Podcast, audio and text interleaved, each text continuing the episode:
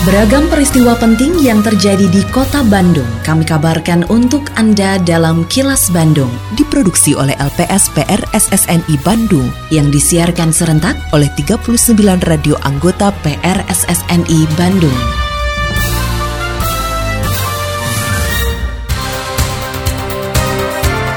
Sejumlah informasi aktual kami hadirkan untuk Anda dan inilah informasi utamanya.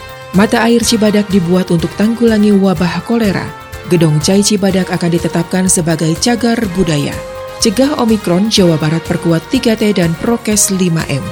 Saya Ita Ratna, inilah kilas Bandung selengkapnya.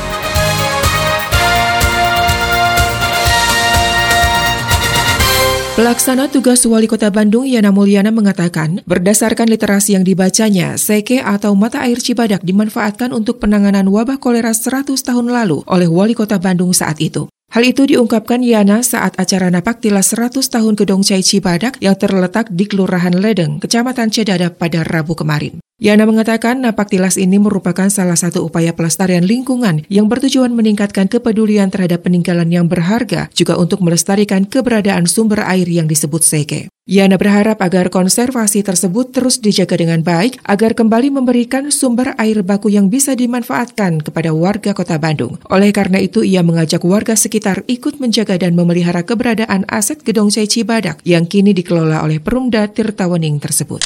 Saya baca ada beberapa yang saya juga nggak mengerti apakah ini satu kebetulan. 100 tahun yang lalu itu jatuhnya hari Rabu sama sekarang Rabu 29 Desember sama 2020. Dan dulu wabahnya wabah kolera.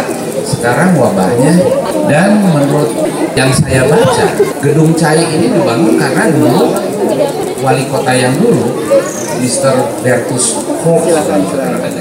Bertus Koch itu karena ada wabah kolera mencari sumber air bersih dan alhamdulillah ternyata mendapatkan tempat di sini Perumda Tirtawening Kota Bandung mengapresiasi partisipasi warga sekitar yang ikut menjaga keberadaan Gedong Cai Cibadak sebagai salah satu sumber air baku. Direktur Utama Perumda Tirtawening Soni Salimi mengakui status kepemilikan aset lahan Gedong Cai tersebut hingga saat ini belum jelas. Namun karena sejak tahun 1977 pengelolaannya oleh PDAM, maka Perumda Tirtawening berkomitmen untuk menjaga keberadaan dan keberlangsungan Gedong Cai Cibadak tersebut. Sony juga mengapresiasi masyarakat sekitar yang selalu mengingatkan PDAM jika terjadi sesuatu terhadap Gedong Cai, seperti pergeseran tapak sampai kondisi lingkungan. Tentunya selama ini kolaborasi dengan Pak Yadi sebagai komunitas ini juga luar biasa, kolaborasi dengan masyarakat di sini, tidak menguasai tetapi ikut mengelola. Jadi bahkan kami ini sering diingatkan oleh Pak Yadi dan masyarakat yang lain bahwa adanya pergeseran tapak, adanya bahkan yang terakhir itu ada penebangan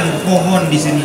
Ini ini betul-betul uh, masyarakat yang luar biasa di daerah sini yang begitu sangat fokus dan sangat concern terhadap kondisi lingkungan. Mudah-mudahan ini juga akan terus menular di tempat-tempat lain karena mata air kami yang berada di kota Bandung dengan produksi air yang cukup besar cuma ada di mata air Cibadak ini daerah sini.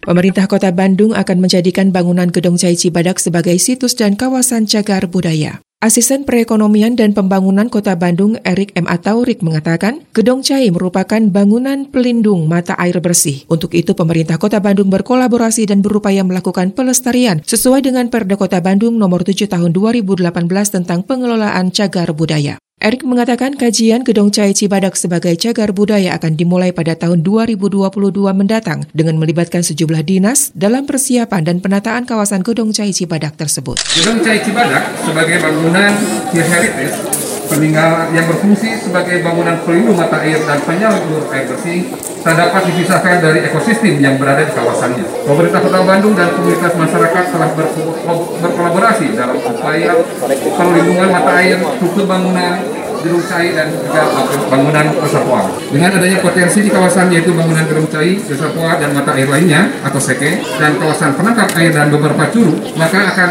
kami usulkan sebagai situs dan kawasan cagar budaya dan insya Allah mohon dukungan di KPLP dan juga pimpinan DPRD pada tahun 2022 akan dilakukan kajian dan pengusulan secara legalitas untuk hal tersebut yang dikoordinasikan oleh Dinas Budaya dan Pariwisata.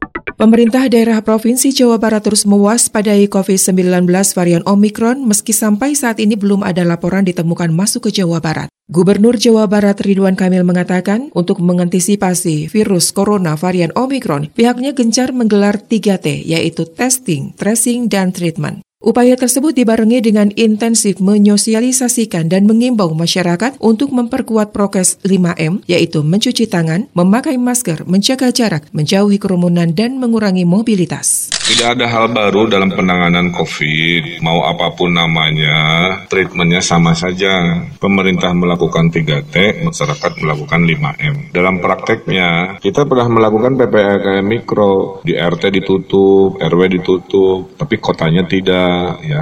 Jadi belum ada laporan Omikron di Jawa Barat tadi hasil laporannya. Jadi bahwa harus siap-siap ya pasti responnya kan 3T tadi. Jadi kalaupun ada dengan treatment PPKM mikro kita pernah melakukan contohnya waktu di Hegar Mana tidak kota Bandungnya kan yang ditutup tapi hanya kelurahan Hegar Mana. Jadi kita punya pengalaman. Assalamualaikum warahmatullahi wabarakatuh Sampurasun, saya Yana Mulyana, PLT Wali Kota Bandung Mengucapkan selamat merayakan Hari Natal tahun 2021 Kepada semua warga Bandung yang beragama Nasrani dan Katolik Warga Bandung, hingga saat ini pandemi COVID-19 belum berakhir. Meskipun indikator kesehatan di kota Bandung kian membaik dan kasus penyebaran kian menurun. Namun, kewaspadaan dan disiplin dalam menjaga protokol kesehatan tidak boleh kendor. Di momen pergantian tahun 2022, saya menghimbau pada semua warga Bandung agar selalu tertib dalam menjaga protokol kesehatan, menghindari kerumunan, dan sebaiknya merayakan dengan keluarga di rumah agar lebih hikmat. Saya ucapkan terima kasih pula kepada warga Bandung dan seluruh petugas TNI Polri yang terus bekerja dalam menciptakan suasana aman dan kondusif di kota Bandung. Hatur nuhun, wassalamualaikum warahmatullahi wabarakatuh. Pesan ini dipersembahkan oleh bagian protokol dan komunikasi pimpinan Setda Kota Bandung. Kini, audio podcast siaran Kilas Bandung dan berbagai informasi menarik lainnya bisa Anda akses di laman kilasbandungnews.com.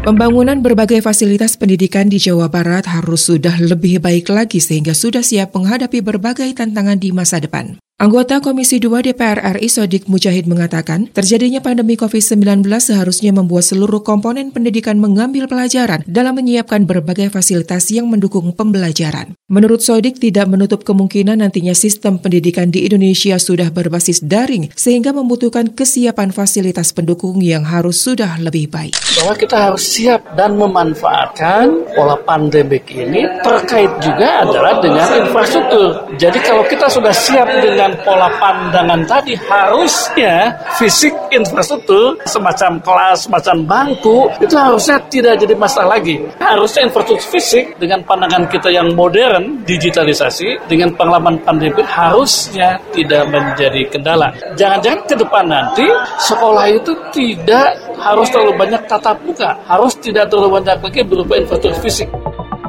Lindungi diri, keluarga, dan orang sekitar dari COVID-19 dengan selalu memakai masker, mencuci tangan, dan menjaga jarak, serta menghindari kerumunan juga mengurangi mobilitas. Patuhi protokol kesehatan di masa adaptasi kebiasaan baru untuk mencegah penularan virus corona.